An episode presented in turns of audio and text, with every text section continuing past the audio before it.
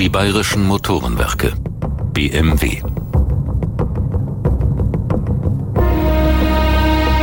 Die Erfolgsgeschichte des Autokonzerns ist eng verbunden mit dieser Familie, den Quanz.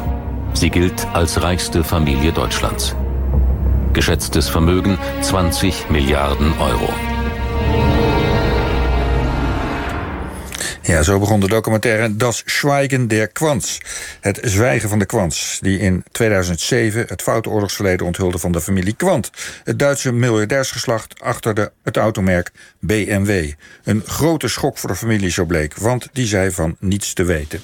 Ja, en over deze familie en hun duistere oorlogsverleden schreef journalist Marjolein Uitzinger het boek De Zwijgende Miljardairs, dat eerder dit jaar verscheen. En Marjolein is nu hier. Marjolein, welkom. Dank je. Um, was die familie echt zo geschokt door uh, die film en, en dat soort dingen? Ja, die waren uh, heel erg geschokt, omdat ze wel. Uh, kijk, in iedere grote familie was natuurlijk wel het idee van: het is niet helemaal jovel gelopen daar. In de, kijk, wij noemen dat de oorlog, maar het is in Duitsland natuurlijk 33, 45, een veel langere periode dat de nazi's aan de macht waren.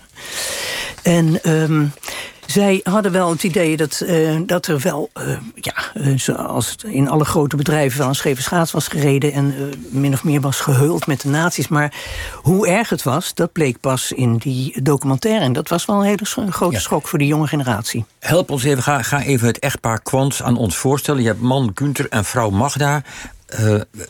kun je kort samenvatten wie ze zijn en wat voor positie ze innamen? Nou, Gunther is dus, die, was echt de, de godvader van de familie Kwant. En die, heeft, uh, in, die is groot geworden in de textielindustrie. Maakte uniformen voor het leger. Uh, was groot eh, geworden in de Eerste Wereldoorlog. Had goed geboord. En daarna heeft hij, gebruikmakend van de economische zwakte van Duitsland... in de tijd van de Weimarrepubliek... en de, de hyperinflatie, waarin dus een, een ei bijvoorbeeld 320 miljard rijksmark kostte... heeft hij gedacht, ik koop fabrieken op, onroerend goed en fabrieken... Dat uh, dat was, en bedrijven, dat was zijn sterkte. En dat deed hij soms met vijandige overnames. En hij deed dat buitengewoon listig. En hij werd dus ja, hij werd groot, vooral in die bewapeningsindustrie. Uh, en, en, zijn vrouw Magda? nou ja, die was toen al uh, niet meer uh, in beeld bij hem. Hè. Kijk, vertel. Hij is met haar getrouwd in 1921. Toen was zij de helft jonger dan hij. Zij, zij was 19 en hij was 38. En het was een geslaagde zakenman. En die, Magda, die uh, zat op een, meisjespensionaat voor uh, de betere kringen. En die vond dat eigenlijk wel aardig om met een grote zakenman te trouwen. Hij werd heel erg verliefd op haar. Hij was weduwnaar, had twee zoons. En zij is met hem getrouwd, maar dat huwelijk dat bleek een volslagen mislukking te zijn. Ze hebben een kind gekregen, nog wel Harald. Dat was hun beider troost. Maar uh, in 1929 zijn ze gescheiden omdat die Gunther was helemaal niet het society-type dat zij zich had voorgesteld bij het huwelijk. En daarna uh, ja, uh, was zij eventjes alleen en werd uh, ongelukkig. Ze verveelde zich, was een soort neurotische aandoening. En iemand zei tegen haar: Weet je wat jij moet doen? Je moet een beetje uh, politieke dingen gaan doen. Want de Nazi-partij, de NSDAP, dat, dat is wel wat voor jou. Ga daar maar eens vrijwilligerswerk doen of zo. En toen is ze eerst gaan kijken sorry, bij het Sportpalast... waar Goebbels en Hitler optraden. En toen was ze zo gegrepen door die beide mannen... dat ze dacht, daar ligt mijn, uh, mijn toekomst en mijn hart en mijn heil. Dat waren wel de society-figuren die ze zocht. Nou, nee, ja, nee, dat was het society-gedeelte dat ze toen wel een beetje gehaald. Maar ze, ze, ze, was volkomen gegrepen door de macht die die beide mannen over enorme hoeveelheden mensen uitoefenden. Uh, maar het ging toch net iets verder dan dat, als ik me niet vergis, met betrekking tot een van die twee? Uh, ja. ja. ze is toen vrijwilligerswerk gaan doen op de centrale van de NSDAP in Berlijn, waar Goebbels de, de baas was. Die was toen Gauleiter. En uh, daar is zij. Um, uh, daar liep ze deze man tegen het lijf. En uh, binnen de kortst mogelijke keren ook letterlijk mm -hmm. tegen het lijf. Dus... Ze, ze werd zijn vrouw, laten we het gewoon ja. even duidelijk stellen. We ja. kennen haar allemaal uit de film De Ondergang, zullen we zeggen. Voor ja, in, uh, in december 31 zijn ze getrouwd. Ja, nu, nu, nu is, is hij een rijke, rijke zakenman, doet een textiel, zeg je. Punten, ja. Um, maar hij is geen eigenaar van BMW. Dat wordt dus pas na de oorlog. Ja. Dus dan is de interessante vraag: dat oorlogsverleden van hem. Was dat, zoals we dat nu zouden zeggen, fout? Had hij bijvoorbeeld fouten, maakte hij ernstige fouten? Had hij mensen in dienst die, die werden onderdrukt? Of wat was er aan de hand Hij, uh, zei, hij zat heel goed in de wapenindustrie, zoals ik al uh, zei. Dus de, de AFA, batterijenfabriek, dat waren batterijen die heel belangrijk waren in de, in de oorlog voor de, uh, de U-boten en de V2-raketten. Dat was een, de grootste batterijenfabriek van heel Europa. En hij had een grote munitiefabriek in Karlsruhe. En die werden um, de, de werknemers, om het netjes te zeggen, dat waren voor het grootste deel dwangarbeiders. En die werden geronseld in de bezette gebieden, maar die haalden die ook uit uh, concentratiekampen. Dus Neuenkammer bijvoorbeeld in Hannover. Die, werd, uh, die uh, mannen werden daar ingezet in die AVA-fabrieken... waar ze dus met cadmium en met lood werden vergiftigd. De meeste, uh, bij de SS stonden die kampen ook bekend... als dat je daar binnen zes maanden al stierf. En ik neem aan dat meneer Kwant dit allemaal wist. Ja, dat, kijk, hij zat dan zelf... Of kwam hij nooit in de fabriek? Hij kwam wel eens in de fabriek, maar ja, dat, op de een of andere manier... Ja, hij wist het natuurlijk wel, hm. maar hij heeft er nooit actief aan deelgenomen. Maar er waren 50.000 mensen, dwangarbeiders, die daar gewerkt hebben. Zoveel? En ze hebben op een bepaald moment zelfs op zes plekken... eigen kampjes opgericht.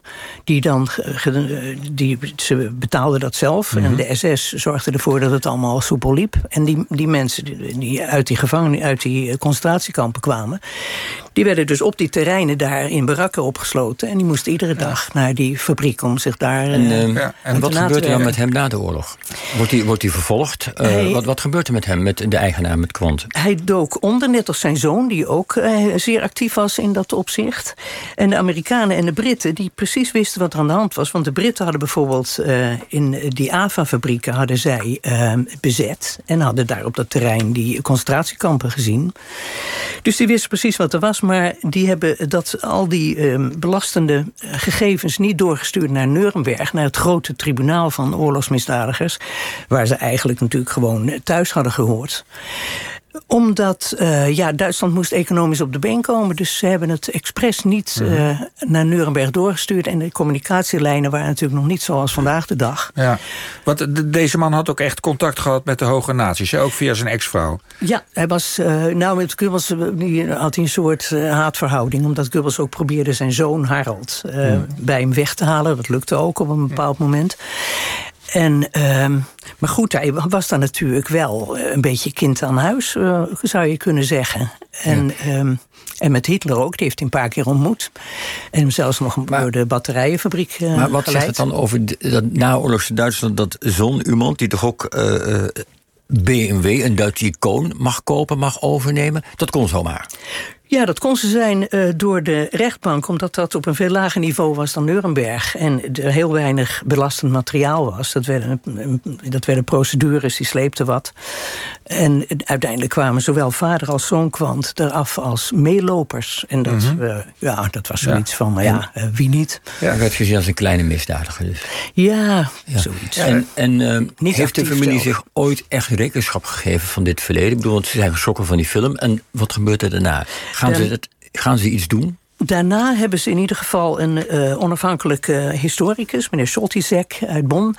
Een, echt een buitengewoon een, een hoogleraar van aanzien. Hebben ze de, geschi de, geschiedenis van die familie eens eventjes helemaal laten uitpluizen. En die man kwam toen na een paar jaar in 2011 met een buitengewoon lijvig rapport. Waarin het allemaal beschreven stond uh, hoe fout het was geweest. En uh, wat die dwangarbeiders hadden moeten doorstaan. En hoe hij uh, ook uh, geld had gegeven aan dat ontkende Gunther uh, Kwant. Maar hij had 25.000 rijksmark aan de partij overgemaakt ook. Um, dus ja, op, de, op een gegeven moment was dat hele verleden was weg. En Duitsland was sowieso natuurlijk niet geneigd om achterom te kijken. Want dat was allemaal niet zo prettig. Dus men keek vooruit. Mm -hmm. En dat was ook de reden dat de jonge generatie kwam eigenlijk niet goed wisten hoe het zat. Ja, en hebben maar... ze ook nog een gebaar gemaakt nu? Want ze hebben een onderzoek laten doen. Herstelbetalingen aan, aan familie van, van slachtoffers, of weet ik veel wat. Is er iets gebeurd? Nou, die, dat was al eerder op gang gekomen... omdat uh, die dwangarbeiders uh, aan de deur klopten om te vragen... voor bijvoorbeeld uh, bijdrage bijdragen voor een herstellingsoord voor dwangarbeiders die nog steeds te maken hadden met de gevolgen van loodvergiftiging en dat soort zaken.